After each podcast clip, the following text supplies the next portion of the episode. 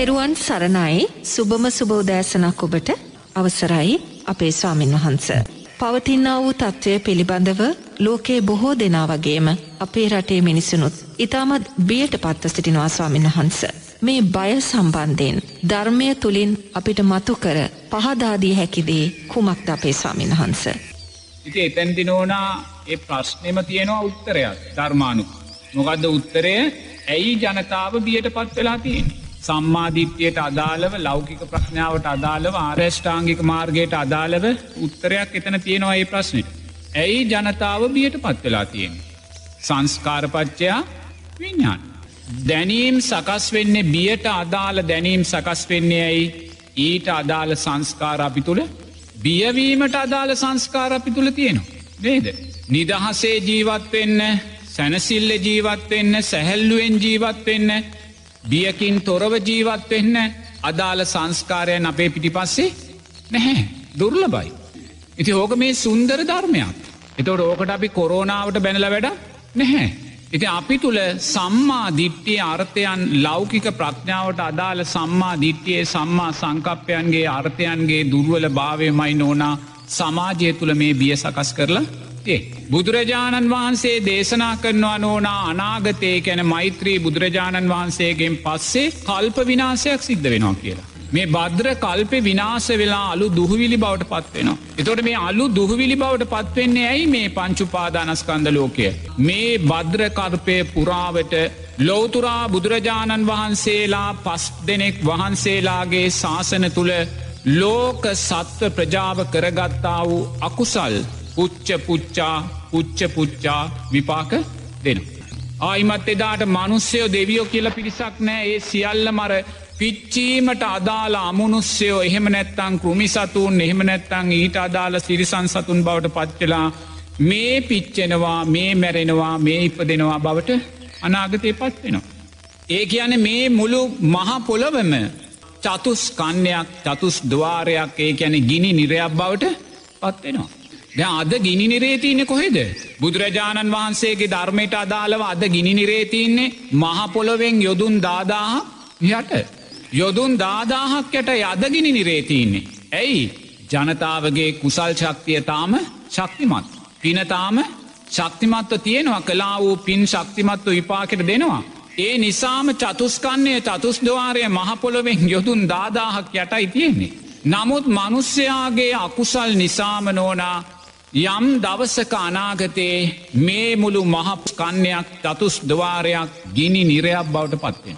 ඒ ගිනි නිරයක් බවට පත්වෙන්නේ ඇයි.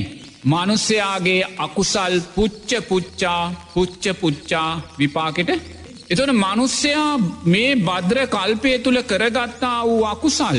පිච්චි පිච්චි ඉරවල් එකක දෙකක තුනක හතරක පහක හයක හතක මේ මහා රස්නේ ගිනි රස්නේ පිච්චි පිච්චි පිච්චි පිච්චි විපාක දෙද්දී මොකක්ද වෙන්නේ. ඔබ කියන්නක මොකක්ද වෙන්න කියලා. මිනිස්සු ඒ සිදුවන දේත් එක්ක ගැටිලා තවත් අකුසල් රැස් කරගන්නවා ස්වාමින් වහන්ස. ඒ අකුසල් කන්ද විපාක දෙද්දී පිච්චීම නිසාම තව අකුසල් කන්දක් රැස් කරගන්නවද නැද්ද. එහි තව අකුසල් කන්දක් රැස් කරගන්නවා. එනන්න ඕනම් මේ ලෝකේ නැවතීමක් කියන කාරණයක් නැහැ. මේ අකුසල් කන්ද විපාක දෙද්දි දෙයි හාමුදුරුවනේ තව අකුසල් කන්දයක් තවත් බද්‍ර කල්පයකට අදාළ අකුසල් කන්දයක් අපි එදාට සකස් කරගන්න එහනම් මේ වියරු දුකෙන් අවසාහනයක් නිමාවක් ගැන අපිට කවදක්වත් කියන්න බැහැ. එතොර දැන් මේ බලන්න මේ කොරෝනා රෝගය තුළනු නෝනා මොනසා මනුස්්‍යයා මනුස්්‍ය අතර බියක් ඇති වෙලා තියනවාද කියලා. එක මනුස්සෙක් තව මනුස්සෙකුට කොච්චර බියද කියල බලන්නකෝ. මූනක් බල්ල කතා කරන්න පුළුවන්කමක් නෑ දැක්කහම පැනලදුවනවා ඕන කෙනෙක් දිහැ බලන්නේ සැකෙන් දැම් බලන්න කොහෙමනං අනාගතයේ වැඩිකාලයක් යන්න නෙමේ අවුරුදු දහක් ඉතර යනකොට වැඩිම උනොත්යයි. මුර්ග සංඥාවක් එනවා. ඒ මුර්ග සංඥාවන්නේ මහගුඩ ලොකු කාලෙකට පස්සේ නෙමේ. එතකොට ඒ මුර්ග සංඥාවේදී එක මනුස්සෙක් තව මනුස්සේකුට පේන්නේ මුර්ගෙක් වගේ කියන. එදාට ඔබ මාව දැක්කොත් ඔබ මාව දකින්න මුර්ගෙක් වගේ මරාගෙන කන්න ඇනගෙන විනාස වෙන්න සණ්ඩු වෙලා විනාස වෙන්න එහෙම තමයි අපි දැක්කොත් අපේ තුළ සිතුවිලි සකස් වෙන්නේ. තේරන ඒ මුර්ග සංඥාවේදී.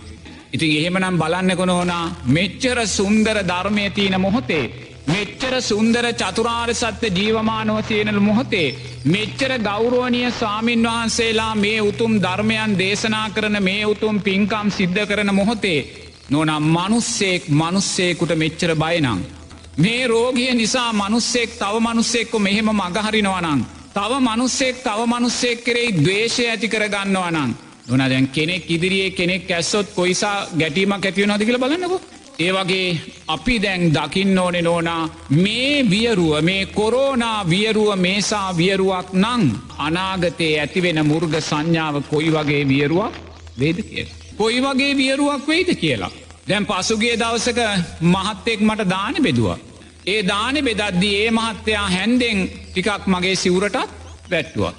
ඇයි කියන්නකෝ ඇයි ස්වාමින්වහන්ස මීටරයක් දුරින් ඉඳගෙන අනිත් කෙනත් එක්ක සම්බන්ධතා පවත්වන්න කියලන අපේ ස්වාමින්වහන්ස උපදෙස් ලැබිල තියෙන්නේ ඒ නිසාද ස්වාමින්වහන්ස. මීටර එක හමාරේ සීම මට ලංවෙන්නෙත් මට ලංවෙන්නේ නෑ.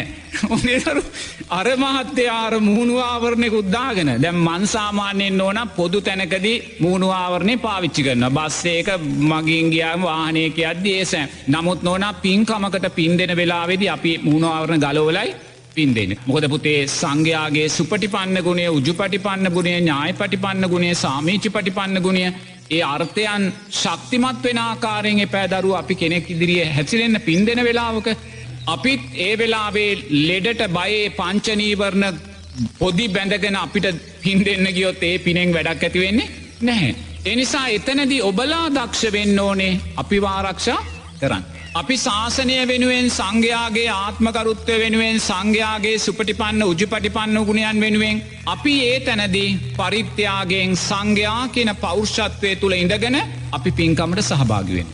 එතොට ඔබලා දක්ෂ වෙන්න ඕනේ අපි ඉදිරියට ආරක්ෂාකාරීව පැමිණෙන්. නමුත් දැන් අර මහත්තයා මට ඉස්සරෑ මීටරයක් ඉතර ඇත ඉඳම් පුතේ මටාර වෑන්ජනය බෙදෙනවා ඇයි අර දුරස්ට නමුත් පුතේ බුදුරජාණන් වහන්සේ කියලා තියනවා දේශනා කළ තියනවා රජය පනවන නීතිවලට ගරු කරන්න කිය. ඒ මාත්‍යයාට එක වචනකින්වත් වරද්දක් මට කියන්න බැහැ මොකදේක රජය පනවලා තින්න නීතියක්. ඉතින් බලන්නක එහෙම වනාමද පුතේ කොරෝනාව අපේ භික්ෂු ජීවිතේ ප්‍රාතිමෝක්ෂ සීලේටත් අභියෝගයන් කරලා තියෙන. එනිසා අපිට ඉතුරු වෙලා තියන්නේ දැක්කා කියන තැන නවතින්න විතරයි. ඇසුනා කියන තැන නවතින්න විතරයි. මොකද අකුස්සලය විසින් ඕන අපේ ප්‍රාතිමෝක්ෂ සීලයටත් අභියෝග එල්ල කරලා තියෙනවා මේ මොහොතේ. ඒ නිසා අපි දක්ෂ වෙන්න ඕනේ කොරෝනා රෝගය තුළින් ජනතාව තුළ මේසා බියක් සකස් කරලා තියෙනවා නං. ඒ බිය කවුරුත් ඇති කලා වූ බියක් නෙමේ. ඒ බිය හේතුඵල ධර්මයක් මොකක්ද හේතුඵල ධර්මය සංස්කාරපච්චයා විඤ්ඥානං කියන්න වූ හේතුඵල ධර්මය. එනිසා බියට අදාළ සංස්කාරවලින් මුළු ලෝකෙම වෙලිලයි තියෙන්නේ. ඇයි බියට අදාළ සංස්කාරයන් නොලින් මුළු ලෝකෙම වෙලුනේ. මොකක්ද අපෙන් වුණ අකුසලය. නෝනා මුළු ලෝකෙම බියට අදාළ සංස්කාරයන් වෙලෙන්න අපි තුළින් වෙච්ච අකුසලේ සම්මා දික්තියේ සම්මා සංකප්පයන්ගේ දුරුවල භාවයන්. අවිහිංසා සංකප්පය දුරුවලයි අව්‍යාද පාද සංකප්පය දුරුවලයි. ලෝබ දේශ මෝහයන් දුරුවලයි. කර්මය කර්මඵල විශ්වාසය දුරුවලයි. ඒ වගේම සීලේ අර්ථයන් දුර්ලලයි අන්න ධර්මය ඒහි පස්සිකව බබලනවා. ධර්මය විවෘතව බබලනවා. ධර්මය සඟවන්න පැහැ මේ සුන්දර ධර්මයක් අපි දකින්නේ. ඒ සුන්දර ධර්මය දකිද්දි නෝනා අපි ධර්මය තියෙන්න්න වූ ආශ්චර්යමයි ධර්මයට කෙරෙයි තව තව තව තව ලංවීමමයි අපි විසින් කළ බලන්නකො මේ සුන්දර චීවර මාසෙන නෝනා. තෙරුවන් කරේ සද්ධාව ඇතිකරගත්තා වූ මනුස්ස ප්‍රජාව ජීවත්වෙන මේ ලෝකය තුළ නෝනා මේ චීවර මාසය තරම් සුන්දර පින රැස්වෙන කුසල් රැස්වෙන මාසයක් නැහැ. මේක තමයි සුන්දරම මාසේ. අද අපෙන් උදුරගෙන තියෙනවා. අද අපෙන් උදුරගෙන තියෙනවා. කවුද අපෙන් උදුරගත්තේ. වික්ෂූන් වහන්සේලා හැටියට අපේම හර්ද සාක්ෂයෙන් අපි තට්ටු කල් අහන්න වෙනවා නෝනා. අපේම හර්ද සාක්ෂයෙන් තට්ටු කොල් අපි අහන්න වෙනවා. අපේ මේ අවුරුද්ධෙ සුන්දර වෙසක් උත්සවය අපේ මුදුර ගත්ත පන්සල් ගේට්ටු අහලයි තිබ්බේ.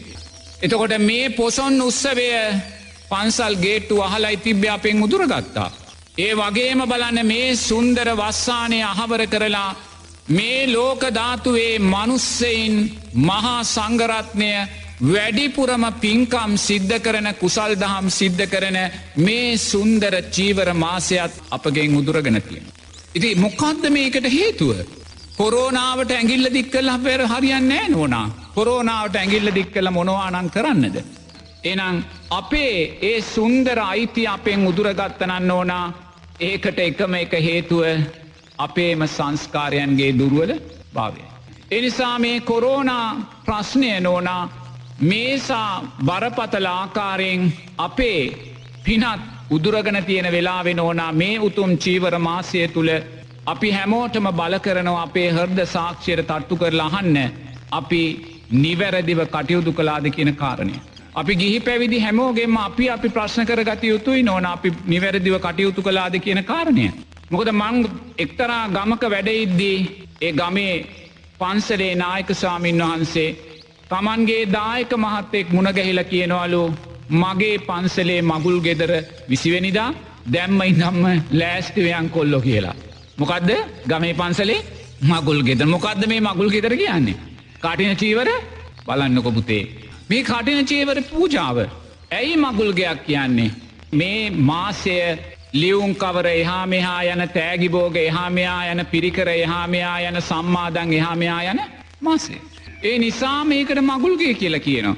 එතොට බලන්නකො කටින චීවර පින්කමක් මගුල්ගයක් හැටියට අපි හඳුන්න නොනන් නෝනා මේක උඩු යටිකුරු කරලන අපි තියන්නේ නේද. ඒ මගුල්ගයක් කියන මොකක්ද. පංච නීවරණ කන්දක් නේද මගුල්ගයක් කියන පංචනීවරණ කන්දක්. කාමච්චන්ද ව්‍යාපාද තීනමිද්ද උද්දාචකුක්කුච්ච විචිකිච්චා මේ පංච නීවරණ කන්දකට තමයි මගුල් ගෙදරක් කියන්නේ. එතෝට සුන්දර කටින පින්කමක් කියන්නේ මොකක්ද. සප්ත බොජ්ජංගයන්ගේ උල්පතක්. සති ධම්ම විජය වීර ප්‍රීති පස්සදි සමාධි උපේක්කා කියන මේ සප්ත බොජ්ජංගයන්ගේ නෝන උල්පතකට තමයි කටින පින්කමක් කියන්න. එනන් බලන්නකො මේ දෙකාතර තියෙන පරතරය කොයිසා වෙනස්ද කියලා. එතොට මේසා වෙනස් භාවයක් තියෙද්දී අපි අපේ කටින පින්කම මගුල්ගයක් හැටියට අපි දකිනවනන්න ඕනා අපේ හර්ද සාක්ෂයෙන් අපිට තට්ටු කල් අහන්න වෙනවා. ඇයි මේ සුන්දර චීවර මාසය මේ විදියට අපෙන් උදුරගත්ත කියලා. මොකද හේතුවක් නැතුව පලයක් සකස් වෙන්න ෑනි නොන තේන අපි හැමෝම කොරෝනාවට ඇගිල්ල දික් කරනවා. කොරෝනාවට ඇගිල්ල දික්කරද්දී අපි දිසාවට ඇගිලි හතරක් දික්වෙනවා කියන කාරණය අපි හිතන්වේ. එනිසා අකුසලයක් විපාක දෙන්නේ අපි කලා වූ අකුසල් විපාක දෙනවා ඒ විපාක දෙද්දී අපි දක්ෂ විය යුතුයි. අකුසල් විපාකය සකස් වෙන මොහොතේ තව අකුසල් රැස් කර ගන්න නැතුව ඉන්න. එච්චරයි දැන් වෙන කරන්න දෙයන්නේ කලා වූ දේවල් විපාකට එනවා. එච්චරයි. කලා වූ දේවල් විපාකට එද්දී අපි ඒ විපාකය තුළ තවතව අකුසල් රැස් කර ගන්නවා නං මීට වඩා බරපතල අනතුරු කරාපි ඉදිරියේදී යන්න පුළුවන්. ඒ නිසා දැන් කලා වූ අනතුර විපාක දෙනවා එක හරි. ඒ විපාකය තුළ අපි දක්ෂවීතුයි නෝනා නැවත අකුසල් රැස් කරගන්න නැතුව නිරේතුරුවම විපාකය තුළ ආර්යෂ්ඨාංගික මාර්ගය ශක්තිමත් භාවයට පත් කරගන්න. ආර්ෂ්ඨාංගික මාර්ගයේ ශක්තිමත් භාවයට පත් කරගන්න.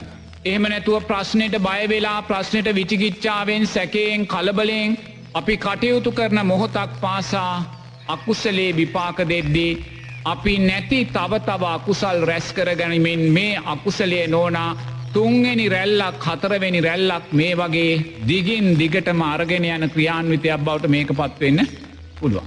එනිසා සුන්දර ධර්මයක් කොරෝනා නාමයෙන් අපි දකින්නේ. ඒ ධර්මය ඒහි පස්සිකව සමාජය තුළ ලෝකය තුළ බබලෙනවා.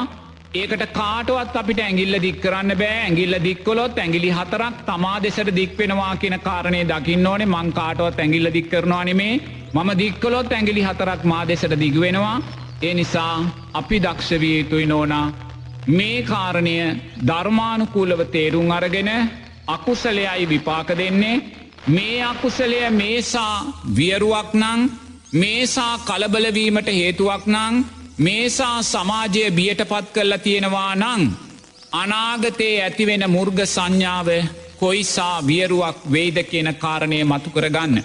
අනාගතයේ ඇතිවෙන කල්ප විනාසය කොයිසා වියරුවක් වෙනවාද කියන කාරණය මතු කරලා ගන්න. එම මතු කරගෙන සංසාර බය දැකලා සංසාර ගැඹුර දැකලා සංසාරයේ කටුකභාවය දැකලා මේ තුෂ්නාව නිසා සකස් වෙන පංච උපා දානස්කන්දේ වියරුව දැකලා අපි දක්ෂ වුණොත් නෙවනා තුෂ්නාව සියුම් කරන ආර්යෂ්ඨාංගික මාර්ගය තුළ ශක්තිමත් භාවයට පත්වෙන්න මංහිතනවා කොරෝනාව අපි හැමෝටම ආසිරිවාදයක් වේවි කියලා. අපේ